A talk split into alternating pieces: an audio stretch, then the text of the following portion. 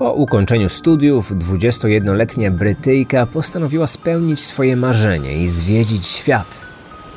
Jednym z przystanków jej podróży życia była Nowa Zelandia. Tam poznała chłopaka, z którym spędziła miły wieczór. Po zakończonej randce kamery monitoringu zarejestrowały, jak wsiadła razem z nim do windy. Następnego dnia miała świętować swoje 22 urodziny. Nie zdążyła. Czy jej śmierć była tylko nieszczęśliwym wypadkiem? A może doszło do zbrodni z premedytacją? Nowozelandzka policja za wszelką cenę starała się rozwiązać zagadkę śmierci Grace Millane. Kryminatorium. Otwieramy akta tajemnic. Brytyjka Grace Millane miała przed sobą całe życie. Pochodziła z zamożnej rodziny i nigdy niczego jej nie brakowało. Była wesoła, bardzo otwarta i przede wszystkim szczęśliwa. Gdy tylko mogła, pomagała potrzebującym, wspierając wiele organizacji charytatywnych. Wpłacała datki, organizowała zbiórki. Dla fundacji zajmującej się dziećmi chorymi na nowotwory ścięła swoje długie włosy, z których zawsze była bardzo dumna. Choć miała wielu przyjaciół, z którymi często się spotykała, nigdy nie zaniedbała nauki. Był 2018 rok, a ona właśnie uzyskała licencjat z reklamy i marketingu na Uniwersytecie w Lincoln. Nie zamierzała jeszcze kończyć swojej edukacji. Była ambitna i żądna wiedzy, co wyraźnie podkreślali wszyscy, którzy ją znali. Ale 21-letnia Grace na razie poczuła się zmęczona nauką, do tego stopnia, że postanowiła zrobić sobie roczną przerwę w studiowaniu. Urlop chciała wykorzystać na spełnienie swojego największego marzenia. Samotna podróż do najdalszych zakątków świata została przez nią zaplanowana w najdrobniejszych szczegółach i konsekwentnie realizowana. W październiku 2018 roku udała się najpierw do Ameryki Południowej. Sześć tygodni w Peru dostarczyło jej niezapomnianych wrażeń. Wszędzie, gdzie się pojawiła, robiła mnóstwo zdjęć. Później wysyłała je swojej rodzinie, z którą utrzymywała stały kontakt. Choć była bardzo daleko od domu, nie martwili się. Codziennie dzwoniła i pisała, aby wszyscy wiedzieli, gdzie jest i co robi. Swoimi wrażeniami na bieżąco dzieliła się w mediach społecznościowych. Następnym przystankiem w jej podróży marzeń była Nowa Zelandia – w piątek 30 listopada przybyła do Auckland, największego miasta w tym kraju, położonego na Wyspie Północnej. Zameldowała się w tanim hostelu, bardzo popularnym, zwłaszcza wśród młodych turystów z Europy. Jako, że była osobą bardzo towarzyską, szybko nawiązała dobry kontakt z innymi turystami. Z jedną z nich postanowiła nawet dzielić swój pokój. Wszyscy zapamiętali ją jako promienną, bardzo radosną i energiczną dziewczynę. Ciągle się uśmiechała i dużo z nimi rozmawiała. Damskie towarzystwo było na pewno sympatyczne, ale Grace zapragnęła poznać jakiegoś miłego, miejscowego chłopaka, z którym mogłaby spędzić miło czas. Kogoś, kto oprowadziłby ją po okolicy, pokazał kilka ciekawych atrakcji. A kto wie, może w weekend zabrał do jakiegoś fajnego klubu. W tym celu Grace postanowiła skorzystać z pomocy aplikacji randkowej. Wieczorem odpaliła Tindera w nadziei, że uda jej się trafić na miłego towarzysza. Przeglądając kilka propozycji, Brytyjka zwróciła uwagę na pewnego 26-latka. On także był oczarowany urodą Grace. Po wymianie kilku wiadomości postanowili się spotkać. Umówili się na następny dzień, w sobotnie popołudnie, 1 grudnia. Od samego rana dziewczyna była bardzo podekscytowana tym spotkaniem, o czym napisała do swojej przyjaciółki z Anglii. Z każdą kolejną wiadomością chłopak robił na niej coraz większe wrażenie. Dużo o sobie opowiadał. Pochodził z rozbitej rodziny, uprawiał sport, miał kilka dorywczych prac jako barman, sprzedawca czy budowlaniec. Był inteligentny, zaradny, a przede wszystkim miał ogromne poczucie humoru. Lubili te same filmy, słuchali podobnej muzyki. Do tego był bardzo bezpośredni. Nawet nie starał się ukryć, że Grace bardzo mu się podoba. gdy ich spotkanie, które początkowo miało być jedynie niezobowiązującym wypadem na miasto, wprost nazwał randką w ciemno, 21-latka nie zaprotestowała. Ubrała dla niego swoją ulubioną sukienkę, zrobiła staranny makijaż. Na umówione miejsce przybyła kwadrans przed czasem. Kamery miejskiego monitoringu zarejestrowały Grace o 17.45 w kompleksie rozrywkowym. Wiele restauracji, barów, sklepów i kasyno. Swoista wizytówka miasta. W Oakland nie było chyba lepszego miejsca na spędzanie miłego wieczoru. Czekała na niego przy choince, którą sfotografowała, a jej zdjęcie wysłała rodzicom. Gdy się pojawił, od razu go rozpoznała. Uśmiechnęła się w jego stronę, a on ją mocno objął. Razem poszli w stronę restauracji. Tam zjedli kolację, a następnie przenieśli się do meksykańskiego baru. Znacznie mniej ekskluzywnego, ale były tam dobre drinki w dobrych cenach.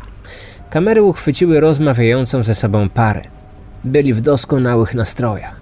Żywo gestykulowali, śmiali się i sprawiali wrażenie szczęśliwych. W pewnym momencie pewny siebie chłopak przyciągnął do siebie dziewczynę, objął i pocałował. 21-latka najwyraźniej nie miała nic przeciwko temu, bo do podobnej sytuacji doszło w ciągu następnej godziny jeszcze kilka razy. Gdy wyszedł na chwilę do toalety, Brytyjka wyjęła swój telefon, aby napisać wiadomość do przyjaciółki. Wieczór jest wspaniały, świetnie się bawi, nie mogła chyba znaleźć lepszego towarzystwa. Para opuściła centrum koło 21. Kwadrans później kamery zarejestrowały ich spacer. Szli w kierunku hotelu Sky City, w którym Jesse wynajmował mieszkanie. Niespełna pół godziny później, dokładnie o 21.40, kamera umieszczona w hotelowej windzie nagrała, jak wchodzili do środka. Po minucie opuścili windę, wychodząc na korytarz. Było to ostatnie nagranie, na którym znalazła się brytyjska turystka, nie tylko tamtego wieczoru, ale i w ogóle. Następnego dnia, w niedzielę 2 grudnia, Grace obchodziła swoje 22 urodziny. Od samego rana jej Facebook był niemal bombardowany kolejnymi życzeniami. Ona jednak przez kolejne godziny nie odpisywała. Było to bardzo dziwne, ponieważ dziewczyna przyzwyczaiła wszystkich, że zawsze odpowiadała na każdą wiadomość, nawet najbardziej błahą. Tymczasem milczały jej social media podobnie jak jej komórka. Ten brak kontaktu zaniepokoił jej rodzinę. Zarówno rodzice, jak i brat z utęsknieniem czekali na telefon od Grace. Chcieli złożyć jej życzenia i zapytać, jak mija pobyt w Nowej Zelandii. Próbowali zadzwonić, ale telefon wydawał się być poza zasięgiem, a może miała rozładowaną baterię. W ich głowach pojawiały się coraz to inne wytłumaczenia, ale wszystkie kończyły się w jeden sposób. Na pewno wkrótce zadzwoni. Przecież zawsze dzwoniła. Ale Grace milczała przez całe niedzielne popołudnie i wieczór. Nie odzywała się także w poniedziałek. Stopniowo ich zdenerwowanie zmieniało się w strach. Coś, czego początkowo nie chcieli zaakceptować, zaczynało nabierać realnych kształtów. Już nie mogli sobie tego dłużej tłumaczyć brakiem czasu na wykonanie połączenia do domu. Wszystko przecież wskazywało na to, że Grace musiało spotkać coś złego. W środę 5 grudnia ojciec dziewczyny postanowił zadzwonić na policję, żeby zgłosić zaginięcie. Tego samego dnia brat zamieścił na swoim Instagramie plakat informujący o zniknięciu siostry. Dołączył do niego krótką wiadomość.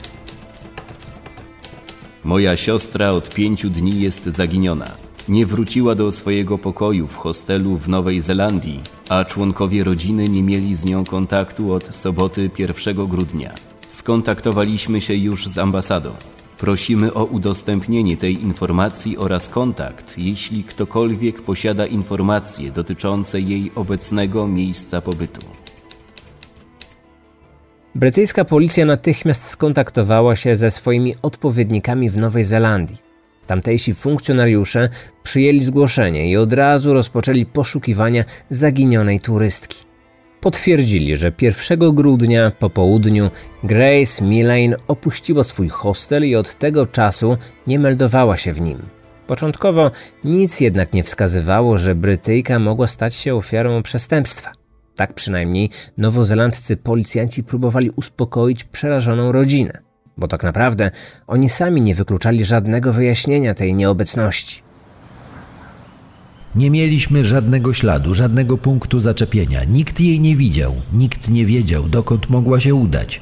Później ustaliliśmy, że przed swoim zaginięciem udała się na spotkanie z jakimś miejscowym chłopakiem, o którym nic nie wiedzieliśmy. Jednocześnie musieliśmy założyć, że stało się najgorsze. Policjanci postanowili przejrzeć dostępne nagrania z monitoringu. Na kilku z nich znaleźli Grace. Na niektórych z nich dziewczyna była w towarzystwie młodego mężczyzny, ale początkowo jego tożsamości nie udało się ustalić. W poszukiwaniu tego człowieka policyjni technicy sprawdzali konta w social mediach zaginionej. Znaleźli go na jej Facebooku. Pod ostatnim zdjęciem Grace zostawił swój komentarz. Jego profil wskazywał, że nazywał się Jesse Kempson i mieszkał w Oakland.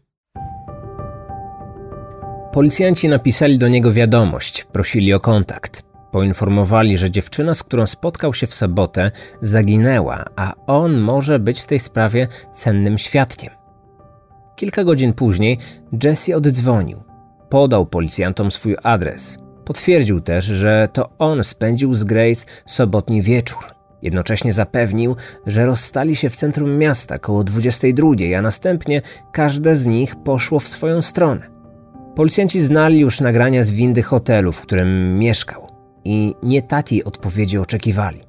Kamery zarejestrowały, jak wjechali razem windą na trzecie piętro. Następnego ranka, tuż po ósmej, Jesse zjechał sam. Wszystko wskazywało na to, że Grace nigdy nie opuściła hotelu. Po rozmowie z nim wiedzieli już, że kłamie. Tym sposobem stał się on głównym podejrzanym.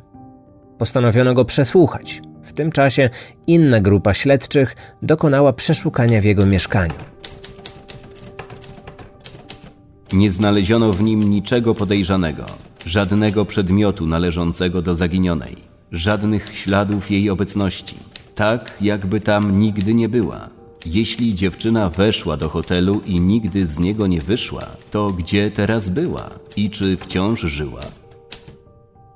Jesse podczas przesłuchania powtórzył swoje wcześniejsze słowa. Upierał się, że oboje rozstali się w centrum miasta. Detektywi byli zdumieni jego zeznaniem, ponieważ ich zdaniem podejrzany mieszkał w tym hotelu już od jakiegoś czasu i musiał sobie doskonale zdawać sprawę z tego, że są tam kamery. Tymczasem przesłuchiwany uparcie twierdził, że nic nie wie. Dopiero gdy śledczy pokazali mu zdjęcia przedstawiające kadry z monitoringu, Jesse przerwał przesłuchanie. Poprosił o adwokata, a po rozmowie z nim odmówił składania dalszych wyjaśnień. Choć policjanci wiedzieli, że kłamie, to wypuścili go za kaucją. Do aresztowania potrzebne im były dowody, a tych jak na razie nie było. Liczyli na to, że znajdą je na innych nagraniach, które wciąż trafiały w ich ręce.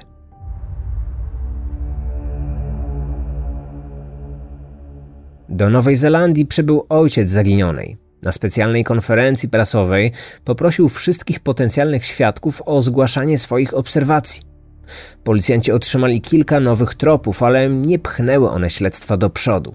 Tymczasem detektywi skupili się na osobie podejrzanego. Szukali go na nagraniach z monitoringu i dość szybko udało im się ustalić, co robił i gdzie był dzień po tym, jak zaginęła Grace. Prześledziliśmy jego drogę i znaleźliśmy go w pobliskim sklepie. Kupił walizkę oraz środki czystości. Później udał się do pralni, gdzie oddał ubrania do prania. Ewidentnie był bardzo pochłonięty sprzątaniem. Wtedy postanowiliśmy jeszcze raz sprawdzić jego mieszkanie. Tym razem za pomocą luminolu, który w kontakcie z krwią sprawia, że zaczyna ona świecić w świetle UV. Badania wnętrza sypialni ukazały makabryczny obraz tego pomieszczenia. Na dywanie były duże ślady krwi, którą wcześniej próbowano nieudolnie wyczyścić środkami chemicznymi. Eksperci oszacowali, że jej ilość mogła wskazywać, że osoba, która ją utraciła, prawdopodobnie zmarła. Nie można było ustalić, że krew ta należała do Grace, ale policjanci otrzymali dowód, jakiego potrzebowali. W mieszkaniu podejrzanego doszło do czyjejś gwałtownej śmierci.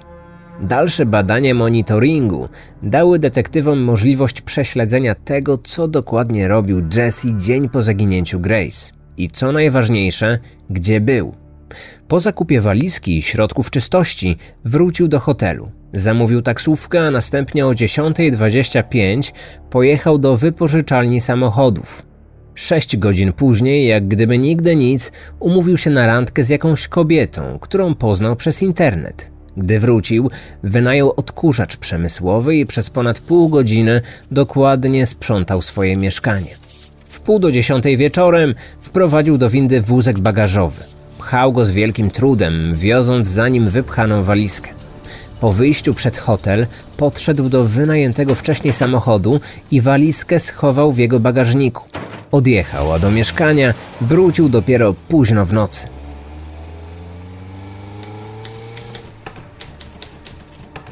Następnego dnia zatrzymał się przy sklepie z narzędziami. Kupił szpadel. Następnie wsiadł do auta i odjechał. Dwie i pół godziny później wrócił. Kamera monitoringu zarejestrowała, jak wyrzucił do pojemnika na śmieci duży czarny foliowy worek. Później pojechał na myjnię, na której umył wynajęty samochód, w środku i na zewnątrz. Łopatę wyrzucił do śmietnika.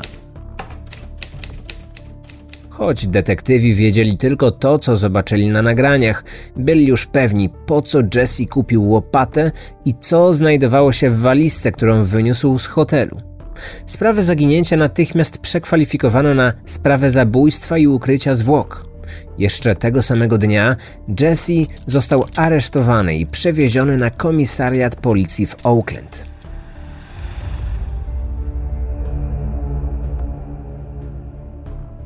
Podstawiony pod ścianą, przyznał się do tego, że Grace zmarła w jego pokoju, ale zaprzeczył, że doszło do zabójstwa. Przedstawił detektywom swoją własną wersję wydarzeń. Jego zdaniem 22-latka namówiła go na ostry seks z elementami BDSM. Prosiła, aby ją mocno związał i wykorzystał. W trakcie stosunku zażądała, żeby chwycił ją za szyję i zaczął podduszać. Zgodził się, choć na początku mocno się wahał. Gdy wychodził do łazienki wziąć prysznic, był przekonany, że jego kochanka zasnęła. Dopiero gdy wyszedł i zobaczył, że z nosa leci jej krew, dotarło do niego, że nie spała. Była martwa. Początkowo zamierzał wezwać karetkę, ale spanikował. Bał się, że widok, jaki zastaną ratownicy, sprawi, że wezmą go za mordercę i powiadomią policję. Już raz siedział w więzieniu za kradzież i nie chciał wrócić do celi. Postanowił więc pozbyć się ciała. Jednak nie uwierzyli mu ani policjanci, ani prokuratura. Jesse został oskarżony o zabójstwo z premedytacją, rozczłonkowanie zwłok i ukrycie ich. Nie miał już żadnego wyboru. Zgodził się więc wskazać śledczym miejsce, w którym zakopał walizkę. To było 9 grudnia. Koszmarny dzień. Każdy człowiek, każdy rodzic by się załamał. Sam mam córkę w podobnym wieku. Znaleźliśmy ją 10 metrów od głównej drogi, niecałe 20 kilometrów od miejsca, w którym ostatni raz widziano ją żywą. Niedługo później ojciec zabrał ciało swojej córki do domu, do Anglii. Następnego dnia o tym makabrycznym odkryciu napisały nowozelandzkie media. Opinia publiczna w tym kraju była wstrząśnięta. Na ulice miast wyszły tłumy, które domagały się ukarania sprawcy. Premier Nowej Zelandii podczas konferencji prasowej publicznie przeprosił rodzinę Grace za tragedię, jaka ich spotkała. Mówiąc to, pani premier sama płakała. Tuż przed procesem zabójcy doszło do kuriozalnej sytuacji. Na wniosek obrońców Jesse'ego jego nazwisko zostało utajnione, ale niemal wszystkie dzienniki Wielkiej Brytanii zignorowały postanowienia sądu i w swoich artykułach przedstawiły pełne dane oskarżonego. Takie postępowanie publicznie skrytykował minister sprawiedliwości Nowej Zelandii, co w zbulwersowanej tym zabójstwem Wielkiej Brytanii zostało odebrane niemal jako dobry żart. W trakcie rozprawy na jaw wyszła prawdziwa twarz człowieka, który zabił Grace.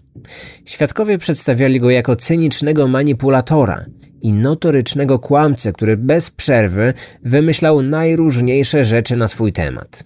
Dziewczynom poznanym przez internet przedstawiał się jako menadżer zespołów muzycznych, prawnik lub gwiazda sportu.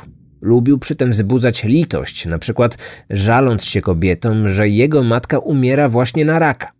Co więcej, kilka kobiet, w których ramionach znajdował później pocieszenie podczas składania swoich zeznań, oskarżyło go o dokonanie gwałtów. Jedna z nich przyznała, że po randce znalazła się w jego mieszkaniu. Na miejscu Jesse stał się wulgarny i agresywny. Domagał się ostrego seksu, na co kobieta nie chciała się zgodzić. Wtedy zaczął ją dusić. Przestał dopiero wówczas, gdy zorientował się, że jego niedoszła kochanka nie żyje. Ale ona tylko udawała i przy pierwszej możliwej okazji uciekła z mieszkania i opuściła hotel. Nie zgłosiła później tej napaści na policję, ponieważ bała się, że jej oprawca odnajdzie ją i dokona zemsty. Medyk sądowy zeznał, że Grace została uduszona. Zaznaczył jednak, że nie była to śmierć przypadkowa, spowodowana stosunkiem, który wymknął się spod kontroli. Ucisk na szyję ofiary był bardzo silny i trwał około pięciu minut zanim zmarła. To, zdaniem eksperta, potwierdzało zamiar celowego odebrania życia. Obrona próbowała za wszelką cenę przeforsować teorię o nieszczęśliwym wypadku. Jednak na takie sztuczki prokuratura miała przygotowaną druzgocącą odpowiedź. Pokazano wyniki analizy telefonu 26-latka. Wynikało z nich, że w ciągu kilku godzin po śmierci wpisywał w internetową przeglądarkę takie hasła jak e, w którym miejscu kraju występują padlinożerne ptaki lub w jaki sposób uzyskać ogień o największej temperaturze. Gdy nie znalazł satysfakcjonującej odpowiedzi, zaczął wpisywać wprost pytania o to, jak skutecznie pozbyć się ciała oraz jak ukryć zwłoki. Odpowiedzi na te pytania na pewno nie szuka osoba z czystym sumieniem. Oskarżony początkowo zachowywał na sali sądowej spokój i opanowanie. Czasami sprawiał nawet wrażenie, jakby to nie był jego proces. Dopiero z czasem, gdy na jaw zaczęło wychodzić coraz mroczniejsze oblicze sprawcy, załamał się i zaczął płakać. Nie wszyscy jednak uwierzyli w jego łzy.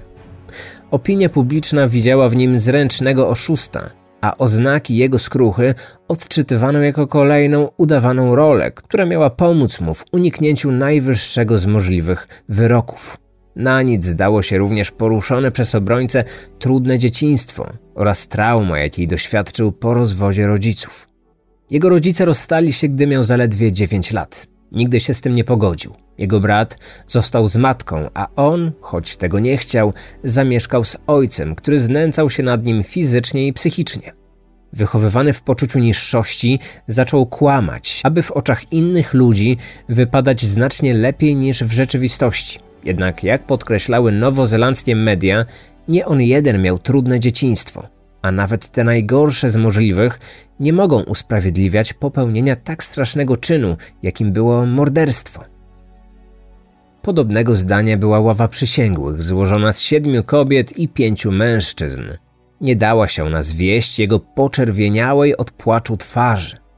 Po pięciu godzinach obrad Jesse Kempson został jednogłośnie uznany winnym wszystkich zarzucanych mu czynów. Sędzia ogłosił wyrok. Dożywotnie pozbawienie wolności z możliwością zwolnienia warunkowego, ale nie wcześniej niż po 17 latach odsiadki. Gdy ogłoszono wyrok, wszyscy obecni na sali dali upust swoim emocjom. Płakali przysięgli, policjanci, dziennikarze. Płakała publiczność. Jeszcze żadna sprawa zabójstwa w Nowej Zelandii nie wywołała takiego wstrząsu wśród opinii publicznej. Bardzo wiele osób żałowało nawet, że w naszym kraju nie obowiązywała kara śmierci, bo zdaniem ludzi tylko na taką karę zasługiwał. Jesse nigdy nie przyznał się do zabójstwa. Do dziś powtarza, że śmierć Grace była wynikiem nieszczęśliwego wypadku. Kilkukrotnie odwoływał się od wyroku, który jest jego zdaniem rażąco niesprawiedliwy. Ostatni raz miało to miejsce 29 czerwca 2021 roku. Wszystkie jego wnioski zostały jednak odrzucone przez nowozelandzki sąd apelacyjny. Tym samym ten mężczyzna został pozbawiony ponownego odwołania się. Na wolność wyjdzie więc nie wcześniej niż w 2037 roku, choć jak podkreślają zgodnie nowozelandzcy eksperci od prawa karnego, szanse na to, że kiedykolwiek opuści on mury więzienia są naprawdę niewielkie. Odcinek powstał na podstawie książki Roda Kakleya oraz filmu dokumentalnego kanału Discovery. Wykorzystano również informacje zawarte w podcaście Murder with My Husband oraz w artykułach opublikowanych w serwisach The Daily Mail i BBC News.